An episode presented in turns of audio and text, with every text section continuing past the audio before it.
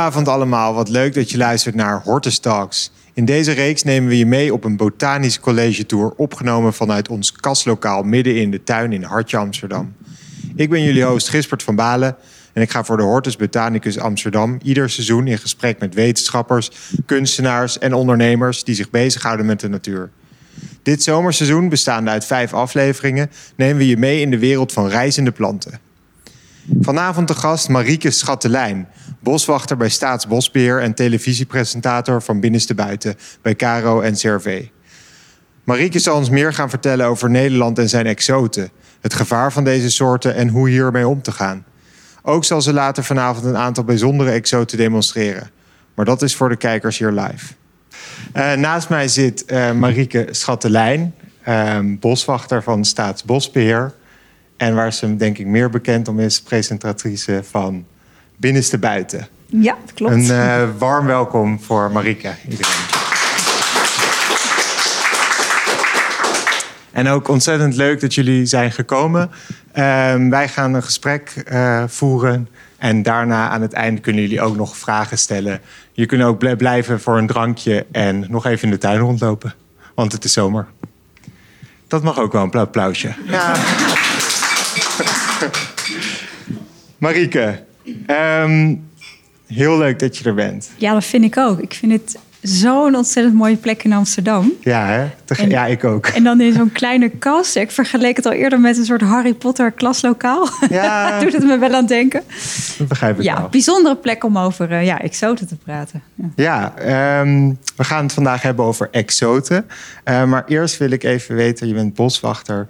Hoe ziet jouw dag er nou uit? Ja, mijn dagen zijn heel gevarieerd. Um, iedereen denkt waarschijnlijk dat ik de hele dag in het bos loop. Nou, dat is dus niet zo. Was maar waar. Um, ja, ik ben een boswachterpubliek. Dus ik hou me bezig met eigenlijk de verbinding mens en natuur. En dat zijn dingen als folders maken, zorgen dat we wandelpaden hebben, recreatiebankjes, dat hoort er ook allemaal bij.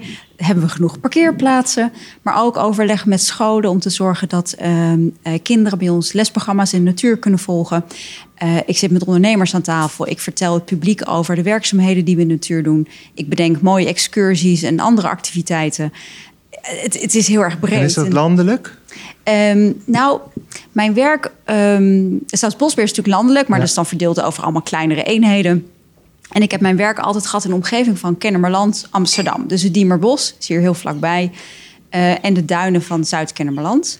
Maar sinds kort doe ik net even iets anders werk. Ik ben nu boswachter publiek projecten. Ja, ik ja. reis nu door heel Noord-Holland. En daar waar we natuurherstelprojecten doen... en dat zijn er nogal veel op dit moment in de natuur... Ja. Uh, neem ik het publiek dus mee en weer ondernemers... om te laten zien wat we daar aan doen zijn. En dat combineer ik met ja, televisiewerk voor binnenste buiten. Want dat is ook ja. ongeveer de helft van mijn tijd.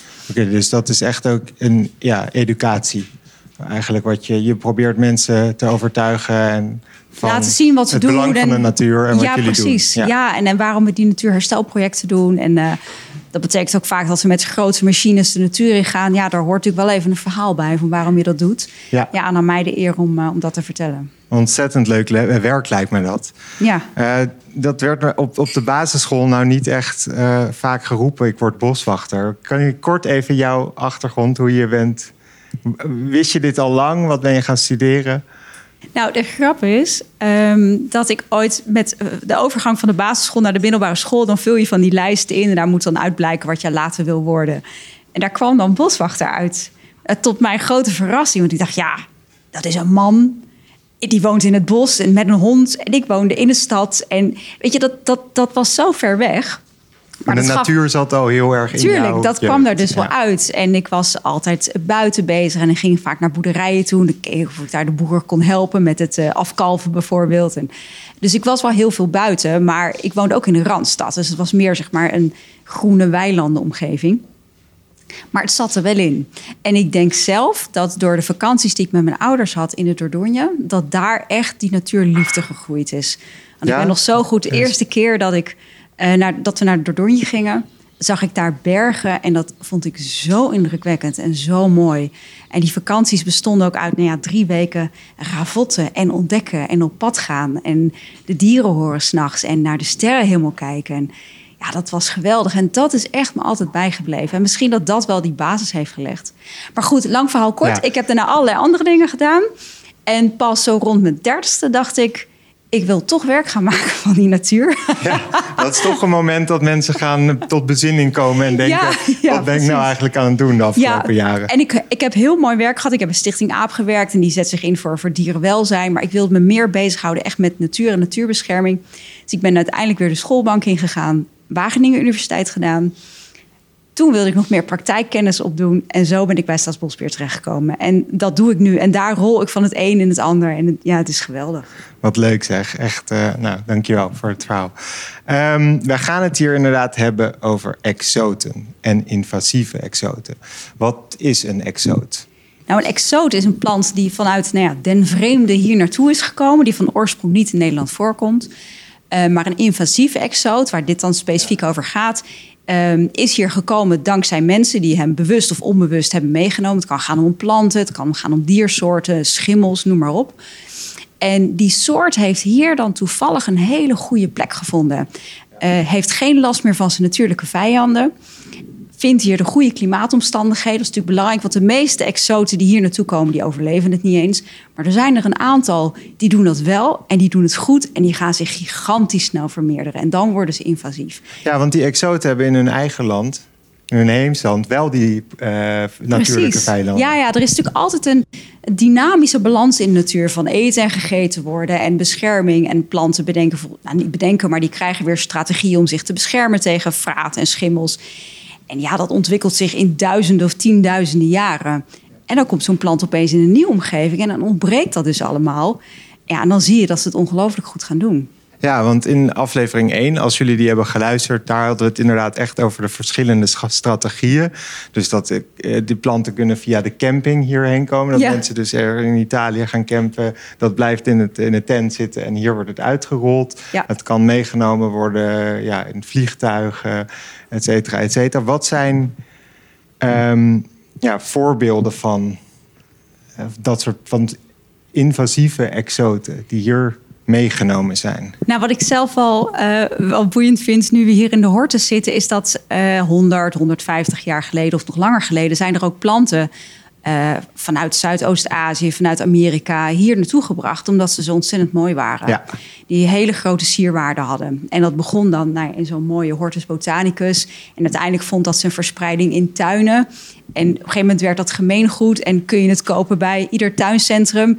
Ja, toen is het gaan rollen. En dan zie je dat dat soort planten, wat eerst tot een kleinschalige collectie behoorden, dat die zich nu dus heel erg verspreiden in de natuur. Bijvoorbeeld nou, die Japanse duizendknoop is daar een voorbeeld van. Ja, die is echt meegenomen hier omdat die mooi was. Ja. Weten we eigenlijk van alle invasieve exoten hoe ze hier zijn gekomen? Nee, dat weet je niet altijd. Nee, nee want wat het ook is, een invasieve exoot gaat natuurlijk pas opvallen op het moment dat hij heel erg aan het vermeerderen is. En dan kan hij natuurlijk al een lange tijd zijn, maar altijd onder, onder de radar gebleven. Wij zien het eigenlijk pas als het een probleem is. Althans, zoals het in het verleden. We worden inmiddels wel steeds scherper op, eigenlijk binnen heel Europa, om dat op tijd te signaleren. Want als je het pas ziet als het probleem is, ben je eigenlijk al te laat. Ja. Uh, maar nee, dat weten we dus niet altijd. Is er nu ook een, een, een zwarte lijst van is ja, er een top 3 of een top 5? Nou, er, er is inmiddels een, uh, een top 70 uh, volgens mij oh. binnen Europa. Sorry, ik verstond het niet.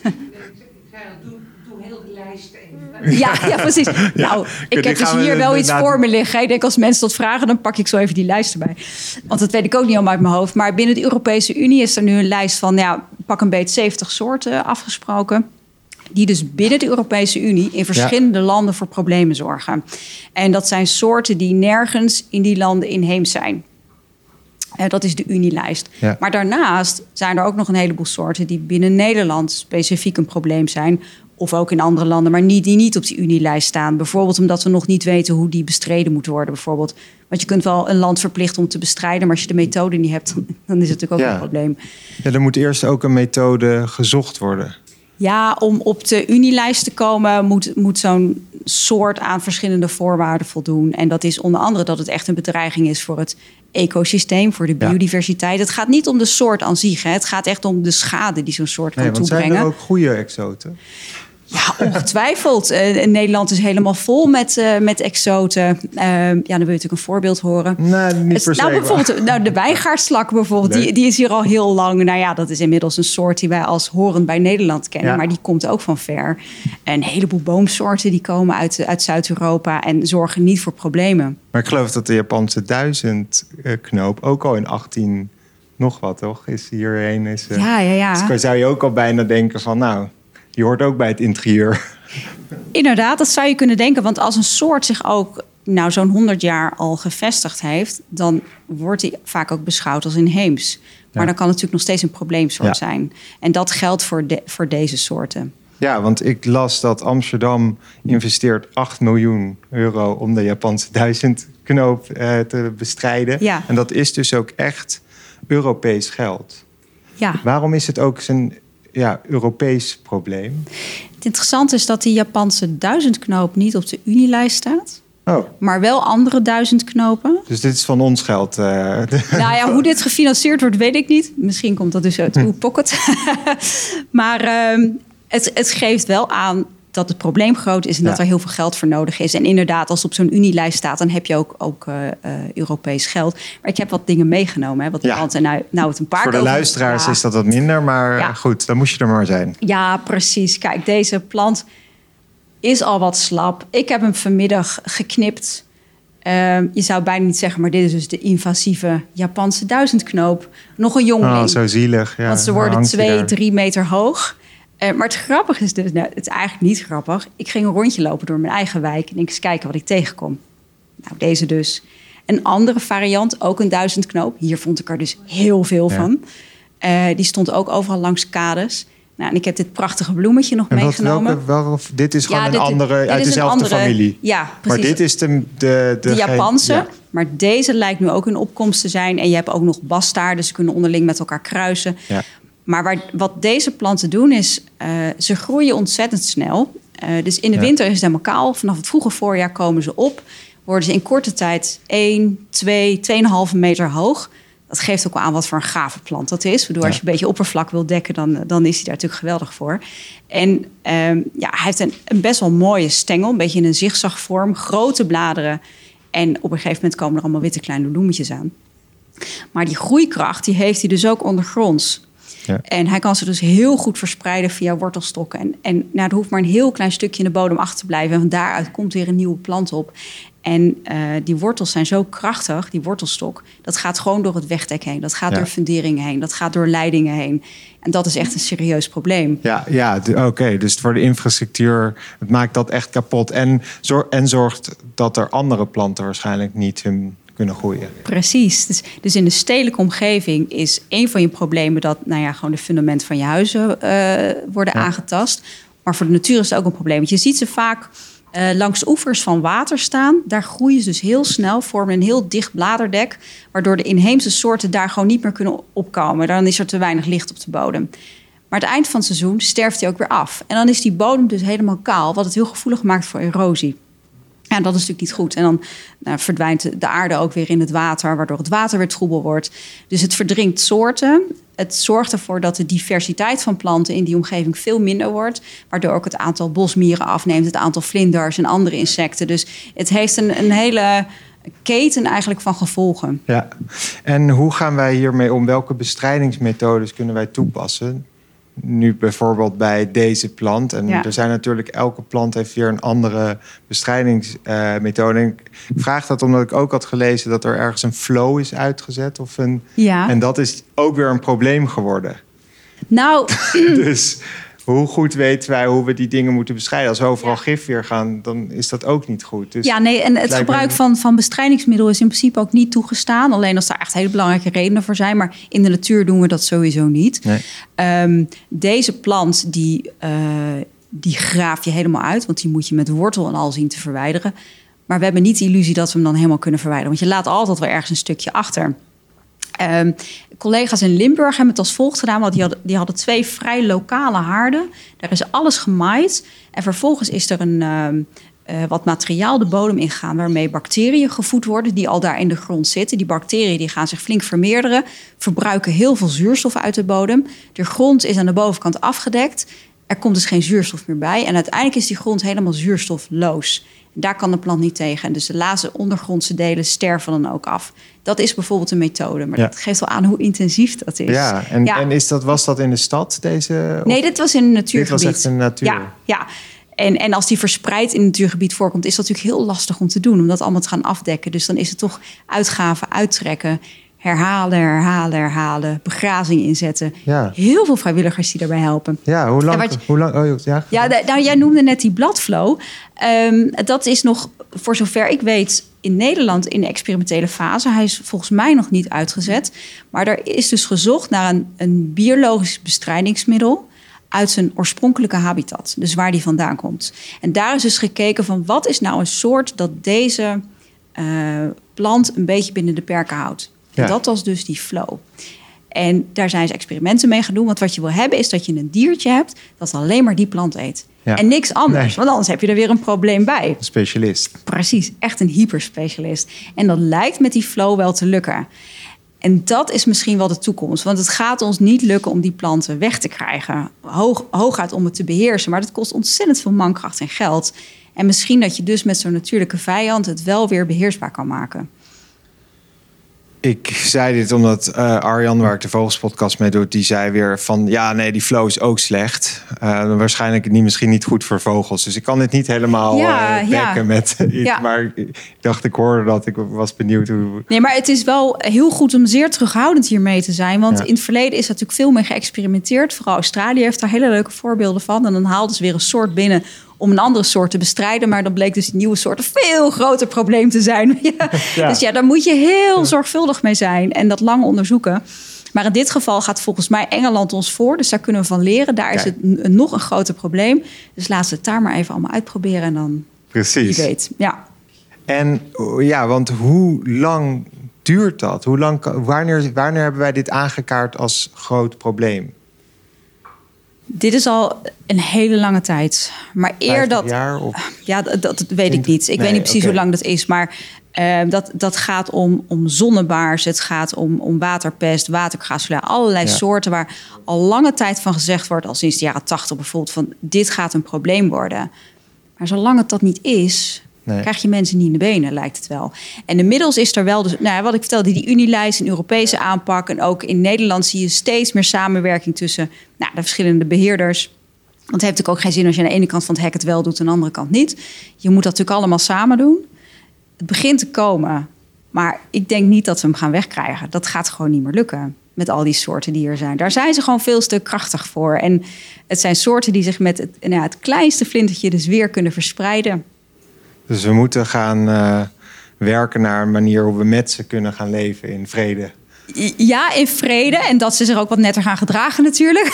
Want kunnen wij inderdaad, er zijn vrij, vrijwilligers en eh, die helpen. Is het niet inderdaad dat gewoon we allemaal een bericht krijgen, een Amber Alert-achtig Ja, bericht precies. van jongens, dit kan je doen als je nou in duizendkoop zit, doe dit en dit en dit. En dan wordt het een soort van citizen. Met, Ja. met elkaar kunnen we dit dan dit probleem Ja, ik, ik denk dat je inderdaad best wel veel kan doen. En ehm, je ziet het bijvoorbeeld bij de Amerikaanse vogelkers. Kijk, hebben we die hier? Nee, die heb ik niet meegenomen. Eh, een, een, een kleine boom vanuit Amerika hier naartoe gehaald. Ehm, prachtig boompje om te zien. Eh, goed voor de bodem. Hij heeft een heleboel voordelen. Maar ook invasief. En vooral in de duingebieden en heiden. Oh ja. Dus daar zeg maar waar echt open terreinen zijn en er veel licht is verspreidt hij zich heel erg snel. Ook dankzij de vogels die niet de, eh, de vruchten eten en de zaden verspreiden. Ehm, en in het bos lukt het vaak wel goed om hem binnen de perken te houden als het bosecosysteem helemaal in orde is, maar in zo'n open duingebied niet. En daar zijn we dus echt met mannenmacht bezig. Eerst machinaal om hem weg te halen en vervolgens met heel veel vrijwilligers en met schapen en, en andere diersoorten om hem dus te beperken. En dat lijkt heel goed te werken. Maar daar, daar zijn we wel met echt grote groepen mensen bezig in eh, de duinen om hem eruit te halen. En mensen vinden dat vreselijk leuk. Want het is best een lekkere klus. Hè? Je bent Ja, buiten en bent boompjes trekken. Je bent in de natuur en, en je doet iets goeds eh, voor het ecosysteem. Eh, maar dat, dat lukt niet met alle soorten. Nee, want met welk project ben jij nu bezig? Ben je met welk exoot, invasief exoot? Nou ja, dat, dit prachtige bloemetje ook voor je hebt meegenomen. Alleen het is wel een beetje treurig. Toen ik hem dus vanmiddag geknipt had, was hij nog vol in bloei. Maar al die blaadjes zijn We eraf kijken hier gevallen. naar een paars bloemetje. Ja, een, een half paars bloemetje. Half paars Met nog bloemetje. twee blaadjes van de vijf. Maar eh, hij ruikt nog wel lekker. Maar dit is de rimpelroos. De rimpelroos. De rimpelroos. En nou, Maar dit zie je, deze zie je veel. die zie je overal. Ja. Dit is overal aangeplant in steden en plantsoenen. En ik weet wel, vroeger bij het openbare zwembad... waar ik dan ging buiten zwemmen, daar stonden ze ook massaal. En dan probeer je daar wel zo doorheen te gaan... en dan bleef je aan die stekels hangen. Ja, en deze is ook met, weer met kietje motieven hierheen gehaald. Om een De, mooie... de schoonheid mooi inderdaad. is, ja. Maar ook bijvoorbeeld deze roze bottels. Die zijn heel groot. Ik zal hem even draaien voor het publiek. Het zijn grote bottels. eh, vol met vitamine C. Nou, daar kun je ook lekkere jam van maken. En je kan ze in je nek doen. Dat deden wij met vriendjes altijd vroeger. En dan ging dat heel erg jeuken. Deed iemand dat ook? Toch? Dat, Wil er iemand? nou, we kunnen het dadelijk proberen bij iemand. Over invasief gesproken. nou, hij is hier ook heen gehaald. Niet alleen om de sierwaarde, maar ook... Hij komt eh, uit Azië en ehm, is daar ook een soort van eh, het duingebied. En is heel eh, goed bestand tegen zout, zoute zeewind. Ja. Dus Oh, hier kan die goed ja. aangeplant worden in de kustprovincies... in de buurt van, van de zee en de duinen. Eh, dus een hele dankbare plant daarvoor. Maar ja, inmiddels dus ontzettend invasief. En ik heb zelf nu een project eh, in de duinen. Er is er onlangs een geweest in Noordwijk. Die is afgerond. We gaan nu meer noordelijker richting Petten. Gaan we ook aan de slag met het verwijderen van deze rimpelroos. En hebben jullie al een eh, eh, techniek? En, ja, ja, ja, ja, ik heb dat in Noordwijk gezien. En dat gaan we binnenkort dus ook eh, in de Pettermerduinen doen. Eh, ook met machines. Hem heel diep uitgegraven, want ook deze wortelt ontzettend diep. Dus je schept hem echt met wortel en al uit. En daarna wordt het zand gezeefd in een hele fijne zeef, waardoor je het zand weer kan terugbrengen in het systeem en de plantdelen afgevoerd kunnen worden. Dat kan je niet overal doen. Sommige stukken zijn te kwetsbaar, Ja. of daar wil je bijvoorbeeld geen stuivend zand hebben. Eh, daar worden ze gemaaid. En dan ga je namaaien en dat doe je in een jaar of nou, drie tot vijf. Blijf je maar maaien en uiteindelijk verzwakt hij. Hij verdwijnt niet helemaal, maar is wel het idee dat hij echt weer onderdeel gaat uitmaken van het ecosysteem. Maar dat hij niet zo groots is als hij dat nu, eh, nu doet. Is er, dit is nu inderdaad, het- dit is, eh, ja, hoe noem je dat? Eh, ja, dit is eh, after the fact. Dit is nu, eh, we hebben het probleem en nu gaan we het bestrijden. Maar kunnen we dit ook voorkomen? Heel moeilijk eigenlijk, omdat je pas als hij heel groot is, zie je Ja. het probleem. Ja, Wat kunnen we, ja, ik, ik, ik las ergens, want als je Nieuw-Zeeland schijnt in te komen, dan wordt echt je schoen omgedraaid om te kijken of er nog een zaadje in zit. En dat zien we natuurlijk in Europa niet. Het is, Ja. is, is dan worden die rijen helemaal lang. Ja, hè? precies. Ik wil-. Ja, dat is eigenlijk niet te doen, is het gewoon voorkomen. Nee, maar je ziet natuurlijk dat ze op, ik denk bij eilanden eh, nog alerter daarop zijn. Omdat je daar heel veel endemische soorten hebt, dus die alleen maar daar voorkomen. Dus dat geeft ook een grote verantwoordelijkheid om die te beschermen. Dus misschien dat ze daardoor er ook scherper op zijn. Ze hebben in het verleden ook heel veel problemen gehad. En ook nu nog met soorten die vanuit Europa werden meegenomen naar het eiland. En Nieuw-Zeeland en Australië. Eh, maar ook hier zie je wel die alertheid toenemen. Eh, maar voorkomen ga je het niet. Nee. We komen nu allemaal terug van vakantie. Ja, wie weet wat we allemaal weer hebben meegenomen. En met de grote schepen wordt er ook van alles verplaatst. Via de rivieren. En er worden soms kanalen gegraven... waardoor er een verbinding is van de ene zee naar een andere rivier. En nou ja, hup, trekken zo weer vissoorten bijvoorbeeld eh, binnen.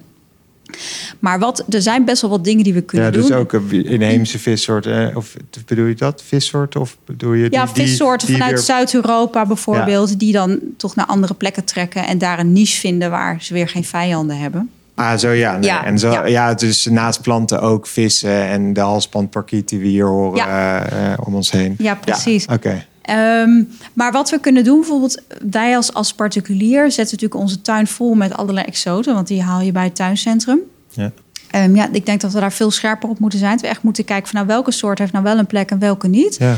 Ehm, Floron, die heeft een lijst daarvoor gemaakt. Kun je gewoon online opzoeken van de, de, de meest voorkomende invasieve exoten. Van nou, als je denkt aan deze soort, doe dat niet. Maar dit zijn de alternatieven.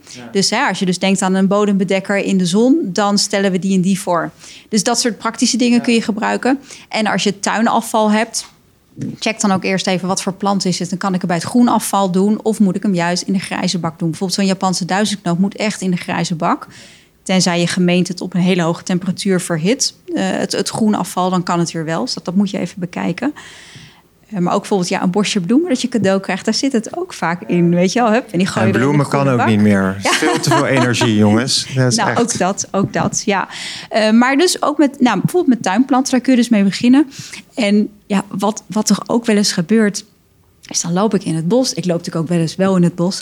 En dan komt er iemand naar me toe en die zegt, nou, ik heb net een plant in het bos gezet. En dan is zo iemand heel blij, want die heeft dan een goede daad verricht voor zijn gevoel. Van ja, er was geen ruimte meer in de tuin. En je wil dan toch niet weggooien, want het is een goede plant. Dus laten we dat in het bos zetten. Dan denk ik, oh nee, wat zou het zijn? Weet je? Doe dat dus niet. Dus zet niks uit in de natuur. Voor de luisteraars. Eh, ja, vissen die je in de, in, je in de vijver hebt, laat die niet los in de natuur. Het onlangs met de marmerkreeft gebeurd hè, bij collega's van mij in, in, in, een, in een heel mooi vennengebied. Ja, dat is ook iemand die dacht van, nou ja, toch zielig, ik heb er zoveel, ik laat ze los in de natuur. Ja, dat is een gigantisch probleem daar nu. Omdat de larven van, van allerlei amfibieën worden weggegeten, ook van hele zeldzame soorten. Ja, we moeten gewoon tevreden zijn met wat we hier hebben. Ja, en ja. inheems. En inderdaad, al dat, dat we alles maar willen hebben over de hele wereld is sowieso een probleem. Alles wordt maar hetzelfde. Elk restaurantje wordt ook hetzelfde. Er is niks meer aan. Nee, dus we moeten gewoon, als elk land nou dat zo eh, gewoon bij, dan, dan wordt het ook nog eens leuk om naar het buitenland te gaan. Zie je weer wat nieuws, eh, inderdaad. Ja, precies. en dat dan niet mee naar huis willen nemen. ja, Ehm, maar we, we houden het niet tegen. Maar je Nee. kunt daar dus wel scherp op zijn. En ehm, ehm, ja, iets, iets anders wat ik daar ook nog wel op wil aanvullen is... eh, we richten ons nu heel erg op het bestrijden van die soorten. Maar waar het uiteindelijk om gaat... is dat het ecosysteem zelf sterk genoeg is... om die soort binnen de perken te houden. Ja. En dat is wel een beetje een knelpunt in Nederland. En ik vraag me ook af of dat er ook niet voor zorgt dat die eh, invasieve soorten nu zo ontzettend aan het toenemen zijn. Is dat in Omdat Nederland zijn heel veel klimaat, gebieden. eh, Ja, de gebieden zijn heel kwetsbaar. We hebben natuurlijk hele sterke droge periodes. Ehm, het wordt warmer. Dus een hele snelle verandering ook voor planten. Maar we hebben ook eh, dat de bodem zuurder wordt. We hebben stikstofoverschot, dus extra voedingsstoffen. Er zijn een heleboel factoren die zijn, zijn uitwerking hebben op, eh, op ecosystemen. En dat maakt ook dat andere soorten in de kaart gespeeld worden. Maar kunnen, er, kunnen die exoten misschien ook dan een positief effect hebben? Ja, nou ja, even op, de, op een, op een ja, eh, veranderend ecosysteem. Ehm, Of- Als we de tijd zouden hebben, ja. Want uiteindelijk zullen ook daarvoor weer zal er een evenwicht ontstaan. Nou, dat zie je bijvoorbeeld al een beetje met die Amerikaanse vogelkers. Er zijn steeds meer insectensoorten die zich ook nu daar, eh, die zich daar aan, aan volvreten. En, dus dat gaat al de goede kant op. Maar we hebben die tijd niet. Want de Nederlandse natuurgebieden gebieden zijn heel klein, staan ontzettend onder druk. We kunnen niet eventjes duizend jaar wachten tot er een nieuw evenwicht ontstaan is. Eh, als we dat doen, dan hebben we straks heel veel van heel weinig. Want dat is wat er gebeurt met deze soorten. Dus ik denk, nee, ik denk dat, dat we die luxe nu niet hebben. Want zijn er eh, inderdaad. Wat, wat is nu het. Het is een beetje misschien een verre sprong, maar wat is nu het meest vitale bos of eh, natuurgebied wat we hebben? Een, eh, een vitaal bos is een bos dat bijvoorbeeld heel goed zijn water weet vast te houden. En dat heel erg gelaagd is, waarin een struiklaag is, kleine boomsoorten, grote boomsoorten, waarin je heel veel variatie in structuur hebt. Ehm, dat zorgt ervoor dat één zo'n soort niet kan gaan domineren. En daar wordt ook wel heel hard aan gewerkt om die bos op die manier vitaler te maken. En ook te zorgen dat ze in staat zijn om bijvoorbeeld het vocht dat er is beter vast te houden. Hebben we een voorbeeld bos? De beste het beste bos van Nederland? Nou, wat, Of, ik, eh, wat, wat ik zelf een heel mooi voorbeeld vind, eh, dat zijn de Emmerdennen in Drenthe. Moet je wel even naar de hele andere kant van Nederland vanaf hier bezien. Pracht, eh, de Emmerdennen. Nou, niet allemaal massaal naar de Emmerdennen gaan natuurlijk. maar dat is werkelijk een prachtig bos. En dat is toen het werd aangelegd, meer dan 100 jaar geleden, ook aangelegd met het idee: je moet een, eh, een grote variatie aan soorten hebben. En met dat idee is dat toen aangeplant. En je ziet nu wat het effect daarvan is. Het is sowieso sprookjesachtig om te zien, maar het is ook een heel vitaal bos met, met een enorme variatie aan soorten. Dus, dus daar, kunnen we, daar kunnen jullie van leren en dat proberen na te bootsen weer in andere Ja, gebieden want- in Nederland. Ja, want lange tijd heeft natuurlijk productie van hout ook centraal gestaan. Eh, ook het vastleggen van de, de, de hele arme zandgronden die we in Nederland hadden. Dat is gedaan met allerlei naaldhoutsoorten die in die omstandigheden redelijk goed konden groeien. Maar we merken nu met het warmer worden, met de droogte, dat die soorten het niet meer gaan redden. Zoals de fijnspar bijvoorbeeld en de larix. Die hebben het nu ontzettend moeilijk en die, die leggen massaal het loodje. Die horen op die plek gewoon niet thuis. En omdat er zoveel van hetzelfde toen er tijd is geplant, gaat er dus ook heel veel van hetzelfde dood. En dat zijn we nu aan het omvormen naar veel meer gevarieerde bossen met gevarieerde soorten. Maar dat is natuurlijk ook wel iets van lange adem. Dat heb je niet meteen gedaan. En we zoeken naar ja, ook nieuwe soorten die beter bestand zijn tegen klimaatverandering, zodat over 50, 100, 150 en nog verder jaar ja. je vitale bossen hebt. Ja, want inderdaad, eh, soms de natuur zijn eigen gang laten gaan, zou je zeggen dat dat uiteindelijk weer dus goed zou kunnen mhm. komen. En als je inderdaad, er zijn inderdaad ook, ook een aflevering, nummer twee geloof ik, van dit seizoen. Als je eh, bossen of uh, gebieden helemaal de natuur weer zichzelf laten uh, werken. Tsjernobyl is daar bijvoorbeeld mm -hmm. een noodluttig, maar wel goed voorbeeld van. Dan uiteindelijk gaat het weer goed. En we hebben hier ook de Groene Jonker, wat in acht jaar geleden is omgetoverd weer tot een natuurgebied. En dat is ook weer zo divers geworden. Mhm. Maar dat het helemaal laten gaan, dat is dus alleen maar werkt dat als je duizend jaar hebt, bijvoorbeeld. Nou, dan winnen. Nou, dan pakt de natuur het net niet. Ik zou zeggen dat de natuur het altijd goed zou doen. Ja, maar dat is wat je ook wat je ehm, ziet als goed. we hebben in Nederland wel bosreservaten. Dus ook in Nederland hebben we wel behoorlijk wat locaties waar we niks doen. En dat wordt alleen maar onderzocht. En kijken we gewoon wat gebeurt er. Ja, dat zijn natuurlijk de leukste plekken. En ik, ik wenste dat ik af en toe gewoon eens even 150 jaar vooruit kon. Weet je, om dan even te kijken hoe ziet het er dan uit. Dat is toch geweldig. Hij naar de toekomst. Precies, wat gebeurt er dan? Maar goed, dat, dat is afwachten. Maar die, die plekken zijn er zeker ook. Maar we hebben natuurlijk ook wel een, een, een plicht om te zorgen dat bepaalde soorten ook wel hier blijven. En omdat de gebieden al klein zijn en onder druk staan, onder nou, wat ik net al noemde, de verdroging, verzuring, et cetera al die ingwoorden. um, dat maakt het heel kwetsbaar. En uh, dat vraagt toch af en toe wel bijsturen om te zorgen dat er toch dat die biodiversiteit zo hoog mogelijk blijft. Um, ga je naar grotere, robuustere, aaneengesloten stukken natuur, dan zal je ook steeds makkelijker eigenlijk achterover kunnen leunen en ja, lost het zichzelf al op.